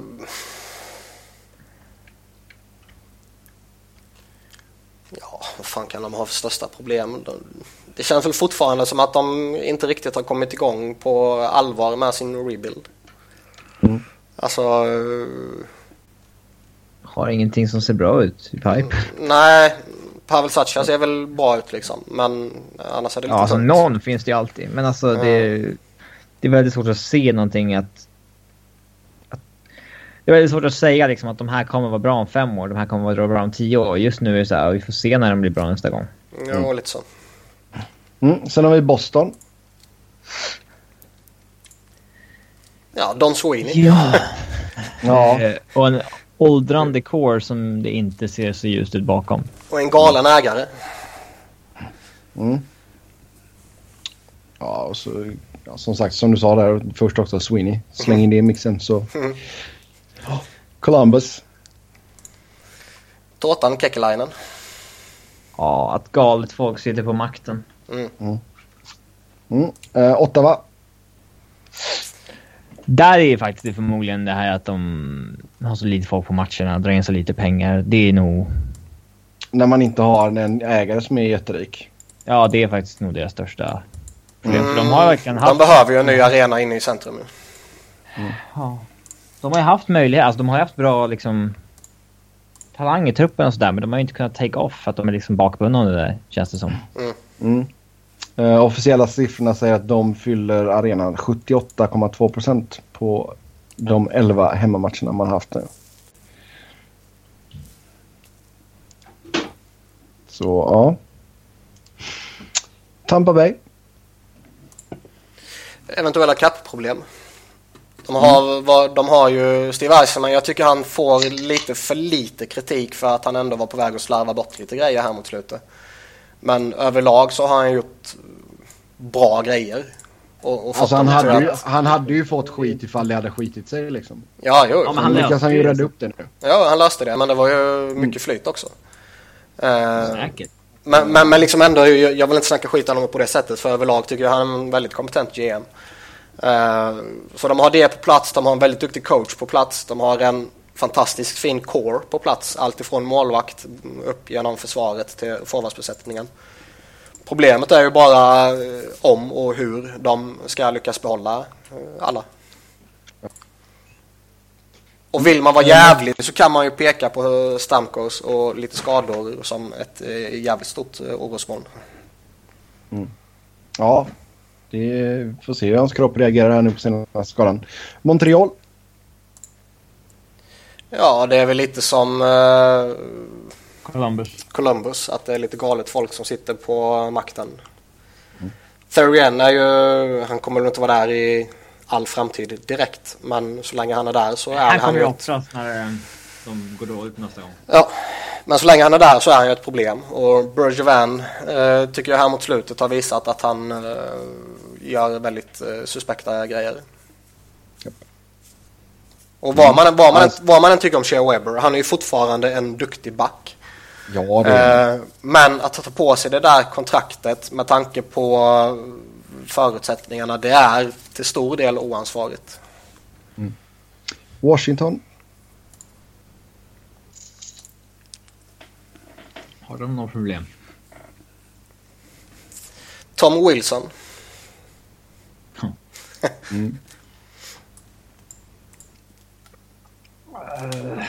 Nej, jag kan inte se något sådär jätteuppenbart. Det är väl kanske... eh, De har ju alltså bra med liksom Kuznetsov och Burakovsky på uppgång bakom Ovechkin och Bäckström och de är ändå bara kring 30 fortfarande. Så länge inte Ovechkin gör en Kowalczyk och sticker hem så ser jag inga problem med dem. Nej. Ja. Liksom deras största problem är väl förmodligen liksom... Det är ju typ kontraktet Brooks Orpik sitter på. Och det kan man ju leva med om det bara är han. Ja. Japp. Pittsburgh. The Pittsburgh Penguins. Det har ju funnits lite frågetecken, eh, alltså varit ute till försäljning och sådana här saker. Eh, Så det ska väl finnas, mm, då borde det rimligtvis finnas någon form av, av orosmoln där uppe i hierarkin. Eh, Annars är väl... kommer sabba dem liksom. Uh, ja, det beror ju på hur akut det är för nuvarande ägare att bli av med laget. Nu verkar det som, som att de har att det inte är till försäljning längre. Men uh, börjar man tappa pengar och man inte har några pengar och, och så vidare så kan det ju bli problem på allvar. Mm. Uh, annars så...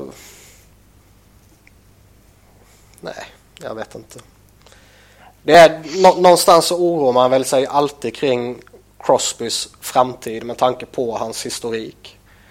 Eh, jag kan ju tänka mig att i princip alla Pittsburgh-supportrar fick ju tokpanik när han fick hjärnskakningen här häromveckan. Ja, ja herregud. Alltså, det kan ju vara så att det räcker med en till och så är det kört liksom. Mm. Ja, det är inte ett problem, men liksom det största orosmomentet är väl att de har liksom mycket, mycket, mycket pengar uppknutna i få spelare. Mm. Alltså en skada kan verkligen vara förödande för en hel säsong. Mm. Ja. Och det, det är väl kanske deras största problem. Sen New York Rangers. Ja, det är att de har en backsida från helvetet och väldigt lite på prospect-sidan. Och att Lundqvist är gammal. Ja. Ingen framtid. Är- Nej. Men just nu så går det bra i alla fall. Mm. Så det är alltid något. Western Conference. Arizona. Ja, att de är Arizona. Ja, nej alltså det senaste då det är att man ska bygga arena tillsammans med min gamla skola, Arizona State. Ehm, och går det igenom så är det väl lugnt men tills det att den arenan är byggd så är arenasituationen definitivt någonting som eh, är ett väldigt stort orosmoment. Jag tycker på isen så finns det spännande spelare. Man är fortfarande fast med Mike Smith i och för sig. Det är ju ett jävla minus. Men, eh, Men det är bara tre år till. nej, men absolut arenafrågan det, det är det stora just nu. Och har varit det ett bra tag också. Ja, alltså, Arizonas stora problem är ju på politisk nivå. liksom. Ja. Ja. ja. Sen har vi Vancouver. Benning! Ja. Jag trodde Niklas skulle börja skratta bara. Ja. Ja. Nej men alltså det är ja, Benning, Sedinarna är gamla. Det är alltså när de väl lägger av så kommer det bli ett fritt fall. Stackars Louis som är kvar i fyra år Ja. till. Ja. Men det ska Men bli, alltså- med, med tanke på vad Benning har gjort nu eh, så ska det bli väldigt intressant när Sedinarna eh, försvinner. Eh, hur de överhuvudtaget ska kunna hålla laget liksom slagkraftigt. Alltså de kommer ju gå så stenhårt på eh, bästa free agent spelaren då. Ja, jo, så är det. Alltså även om det blir någon som är, kanske inte är i samma klass så kommer de ju bli grovt överbetalda. Jo. Så det, ja, kan Niklas gotta sig lite där. Calgary har vi sen. Eh, det är väl också att det är lite övertron. Ja, dels en lite skev självbild men framförallt så är det väl lite frågetecken kring eh, ledningen där också. Mm. Brian Burke är en dinosaurie och eh, även om inte han har titeln GM så är det ju han som bestämmer. Ja, Tree Living har blivit någon slags docka bara, marionett. Ja, typ. Sen, ver sen verkar han ju dela mycket av, av Burks äh, åsikter. Men mm. det, det, är väl det som jag ser som deras stora problem. Annars har de ju en... Alltså stommen är ju jättefin ju. Mm. Målvaktssituationen är väl lite suspekt kan jag tycka. Brian Elliott kan ju vara en fullt uh, kompetent Ja, han kan vara jättebra eller kan han vara riktigt röten, det vet vi ju redan. Ja, men jag skulle ändå, men, jag skulle ändå säga att han inte... är ett, varit riktigt bra än dålig. Jag skulle inte säga att han är ett problem. Mm. Nej. Däremot okay. är det väl en legitim fråga, liksom, är han målvakten som går och vinner kuppen åt dig? Liksom? Men jag skulle Nej. inte se honom som ett problem. Och ha mm. han där och sen ha deras, uh, alla deras fina backar och sen deras unga forwardscore. Det är ju uh, goda förutsättningar för att kunna göra någonting.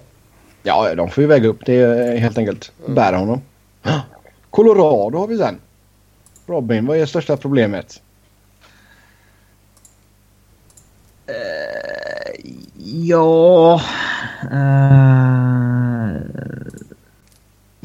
skulle väl säga kanske att... Att kåren börjar bli lite för... Uh, Dålig. Ja men de, alltså, de, de är ändå i sin prime nu, Landeskog till Shane, McKinnon. Uh, McKinnon är visserligen 21, men, uh, men liksom... Tyson Berry 25, Eric Johnson 28, McKinnon 21, Duchene 25, Landeskog 24. Det är egentligen nu det här laget... Varlamov 28. Mm. Det är nu den här kåren är redo att vinna. Men uh, resten av laget är inte alls i den positionen. Liksom. Nej. Det är några åldrande veteraner, några rookies som inte är redo alls. Uh, det, det är liksom coren i osynk med resten av franchisen. Mm. Nashville har vi sen. Uh... Har de några större problem verkligen? Nej. Alltså man bara pratar, nu har väl inte det varit ett problem här under inledningen men eh, för några månader sedan satt vi och pratade om Pekarinne. Mm. Och jag menar Nashville är väl i ett skede nu när de de närmsta åren ska utmana som allra, allra mest. Spela Pekarinne som han gjort under den här inledningen så är det ju inte ett problem. Det kan ju vara Alltså är det så att liksom... Där vi har kört fast igen? Det är ju en legitim fråga ju. Men äh, är det Eh, ja, då får han sparken och så får du en ny coach. Och då kanske, ja, det, då, då kanske det inte coaching... är ett problem. Coaching ja. boom. Mm. Men att de då har en coaching, stor coachingfråga framför sig igen. Liksom. Mm. Uh... Eller så blir det inget problem alls för de får in en, en tränare som lyfter laget. Eller så får de in jätteosäkerhet och en tränare som sänker laget och så blir det ett jätteproblem. Mm.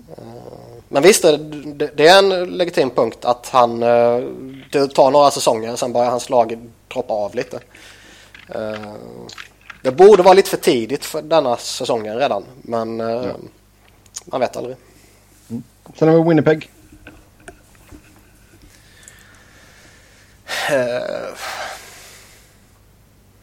De har ju jävligt mycket spännande alltså. Mm. Största, största orosmomentet, det är staden Winnipeg. Ja, typ. Ja.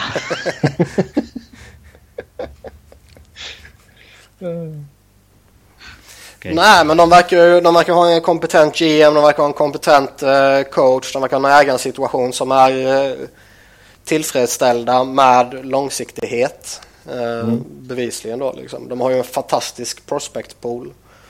De har vettiga veteraner. Mm. Bra publik. Ja, sen är väl staden är ju ett problem men sen samtidigt så är ju inte Jets i ett läge där de ska attrahera fem stycken free agents för att kunna bli bra. Utan de ska ju Nej. bara utveckla sitt eget. Bara se till att de som är där trivs liksom. Ja. Mm. Alla får kan... varsin gratis snöskoter. Så vi kan inte komma på något problem. Nej, allting är jättebra för Winnipeg. Om inte Big Buff typ börjar mobba eh, Line och gänget. Ja. Fast det känns inte Line som en sån som inte hade tagit det. Han skulle ju gett honom på käften. Ja. Skjutit slagskott på benet på honom.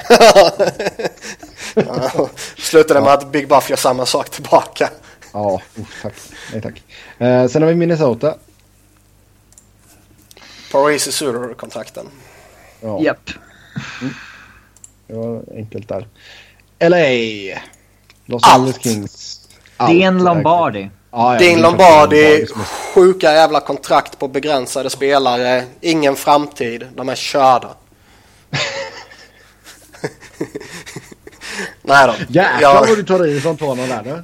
ja, jag, eventuellt överdrev jag lite. Ja. Nej men Eh. Dean Lombardi absolut och de sket kontrakten han har gett ut. Förhoppningsvis så blir man ju av med åtminstone Dustin Brown här var i en expansionsdraft. Men Nej, det tror jag inte. ja, vi får se. Vi får se ifall de är lika smarta som Craig Button och plockar forwards istället. Eh, San Jose. Det, ja. Vad händer när de här gubbarna försvinner eller tacklar av? Mm. När de visar att de egentligen är gubbar. Eller gubbarna, det är väl egentligen bara Joe Thornton. Uh, Marleau är väl, skulle han droppa av så kan jag väl inte tänka mig att det blir någon superduper försämring direkt. Men säg Nej. att Thornton försvinner, det är ju fortfarande en jävligt duktig spelare.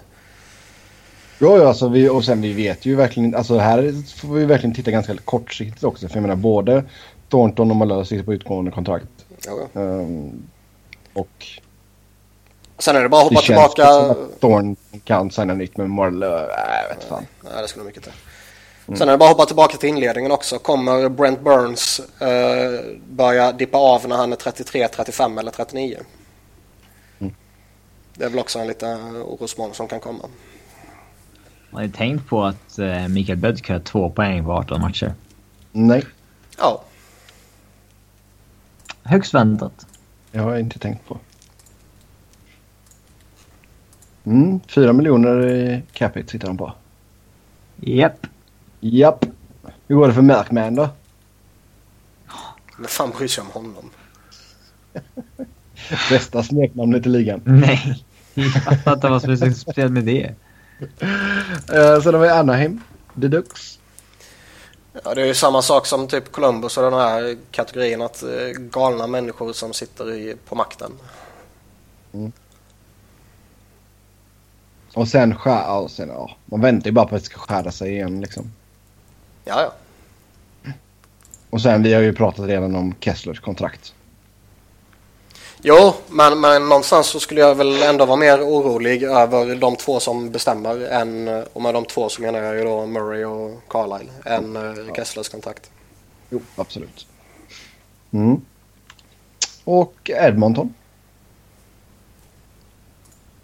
Det finns väl också ett visst orosmoln över uh, Chiarelli. Mm. Är han bra? Uh, nej. Hur, ty hur tycker du Larsson-traden har funkat för dem? Än så länge. Det är ju väldigt tidigt att säga men. Nej men det är, klart, det är, det är klart att Adam Larsson är ju inte en dålig spelare.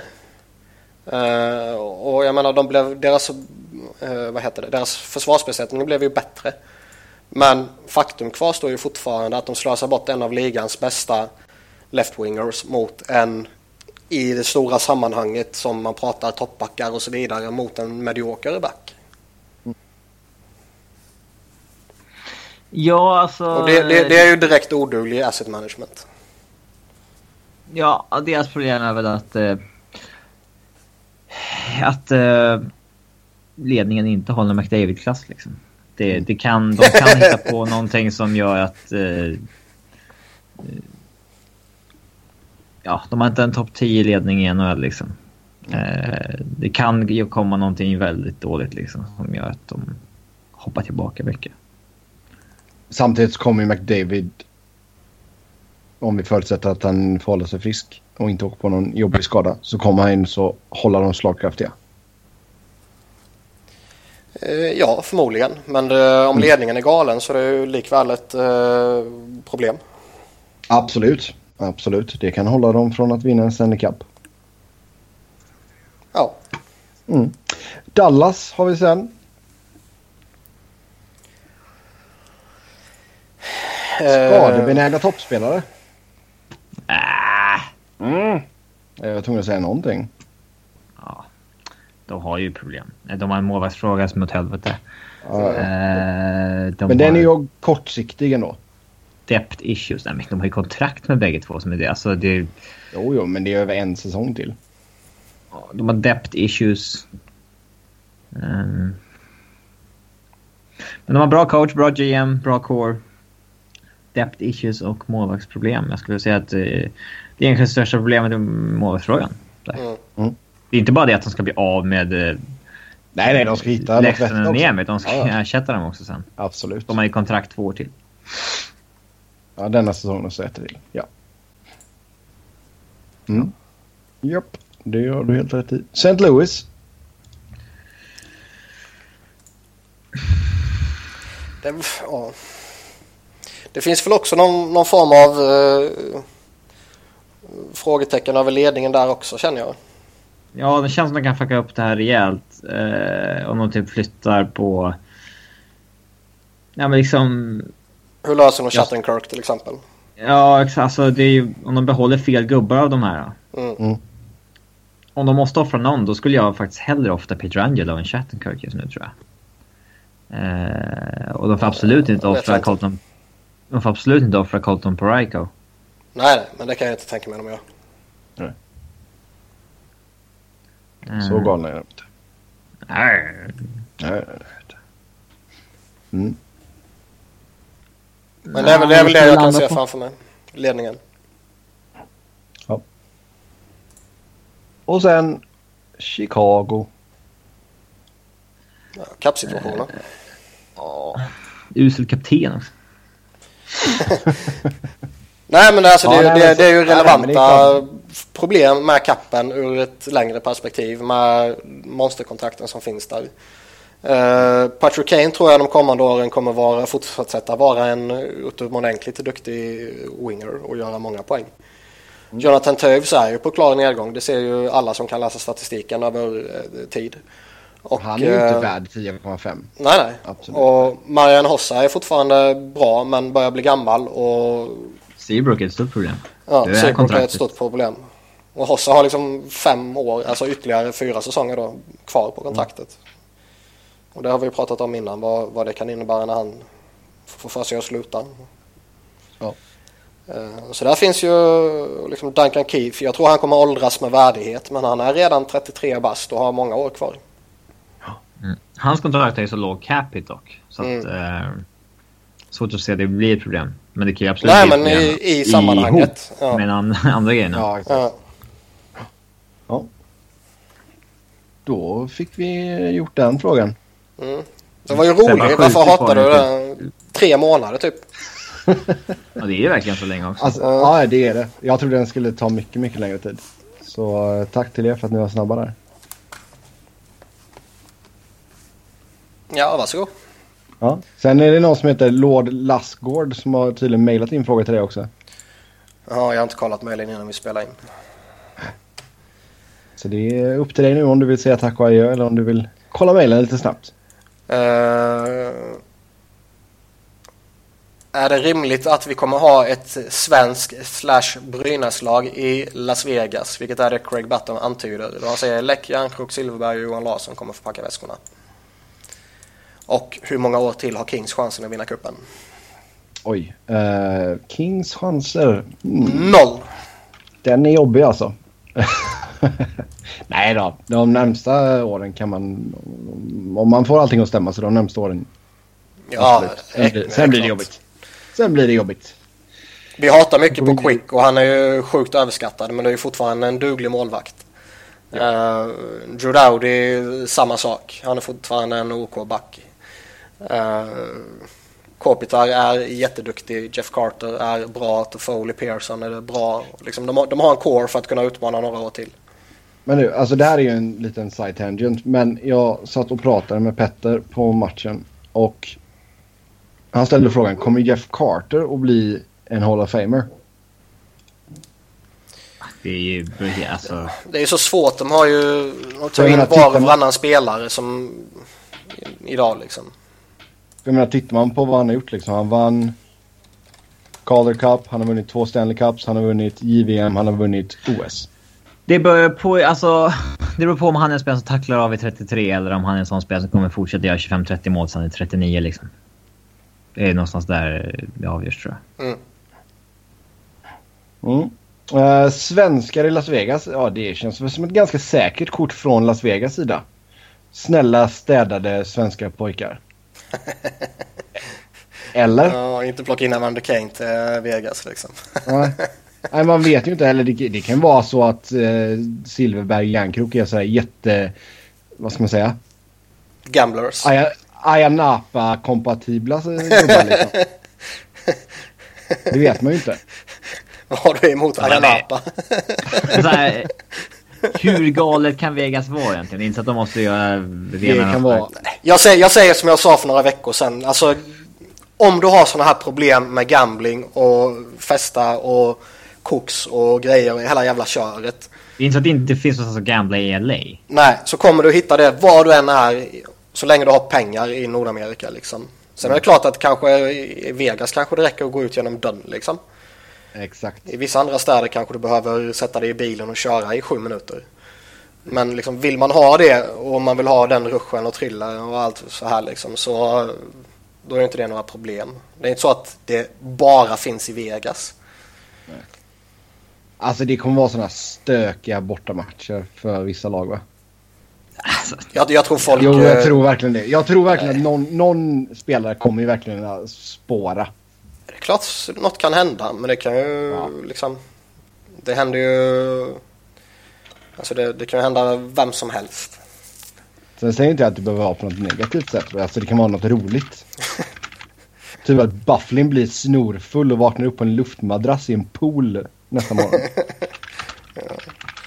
det, det hade jag uppskattat. Ja, med det så säger vi tack och hej. Som vanligt så kan ni köta hockey med oss via Twitter. Som vanligt då, tack för att ni har skrivit in lyssnarfrågorna. Fortsätt med det. Eh, jag heter Seb Noren, Niklas är Niklas Wiberg med C och enkel-V och Robin är R underscore Fredriksson. Eh, Robin, jag vet att du hade fått eh, tweet från någon artist. Som ville jobba med det. Ja. Eh, jag vet inte om han... Jag tror inte han är särskilt känd. Det finns många musiker som har så här 50 000 followers och är liksom verified på Twitter. Jag tror inte att det är liksom Mm. jätteovanligt. Nej. Han heter Ray-One Owen. Okej. Till Men, det mig. finns, men det finns någon musiksnubbe då som heter Robin Fredriksson. Ja, han är en jäkla producent till... Uh, och låtskrivare. Och han har ju breakat rejält nu vad det verkar som. Eh, jag menar, han har typ fem låtar som är på så här topp 40-listan i USA eller någonting. Eh, okej. Någon låt med Taylor Swift och så här. Eh, och de där snubbarna är tydligen rätt svåra att få tag på. I och med att de, alltså, det är, jag vet inte, alltså som musikagenter eller producenter måste man väl vara så annars får man väl typ tusen mail om dagen från folk som bara lyssnar på min låt, den är jättebra. Mm. Eh, antar jag. Men... Eh, Varför spelar Ja, du inte alltså- rollen när du får folk som frågar dig då? jag ska Ja, ja, sk- skicka ditt demo till mig. Jag lyssnar på det och lämnar en kommentar. Ja, exakt. Ska vi se, jag ska titta lite Alltså, snabbt här vad han har skrivit. Eh, han har skrivit låtar för Elena Paparizou, Erik Sade, Molly Sandén, Taylor Swift. Uh, Tove Lo tror jag han har skrivit. Tove Lo, Adam första Lambert, gången, eh, första Carly gången jag blev kontaktad. Eh, första gången jag blev Gomez. kontaktad så gällde det Tove Lo. Någon som Britney hade, Spears. ja. Du ser. Ja. Men det är så här, det, det går knappt att googla fram en bild på hur han ser ut. Så folk kanske tror att jag är han på Twitter och sen så... De söker på Robin Fredriksson på Twitter och så finns det typ en med 3000 followers. Inga andra som har followers typ. Så då eh, går de på det. Men han, ja, första gången jag blev kontaktad då var det någon som hade någon låttext i Tove Lo. Jag bara, men fan Tove Lo googlade liksom. Eh, jag hade ingen aning. Eh, men är, hon, är det en svensk person eller? Ingen aning. Ingen aning. Ja, men det är någon känd sångare typ. Eller sångerska. Jag klickar lite snabbt här. Ja, ni, ni vet att jag fortfarande spelar in. Ja, ja, ja. Men Ja, eh, den här, sångaren, den här sångaren som skrev till mig igår heter Ray Von Owen. Alltså R-A-Y V-O-N. Sen så O-N i efternamn.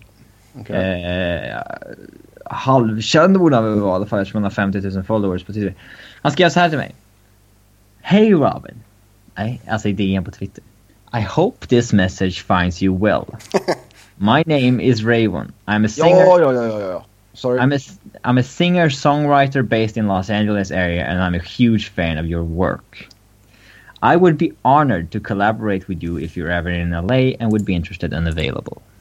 Han var tydligen finalist i eh, 14 säsongen av amerikanska Idol. Det är helt sjukt att en sån skriver till mig. Han har tagit mig liksom.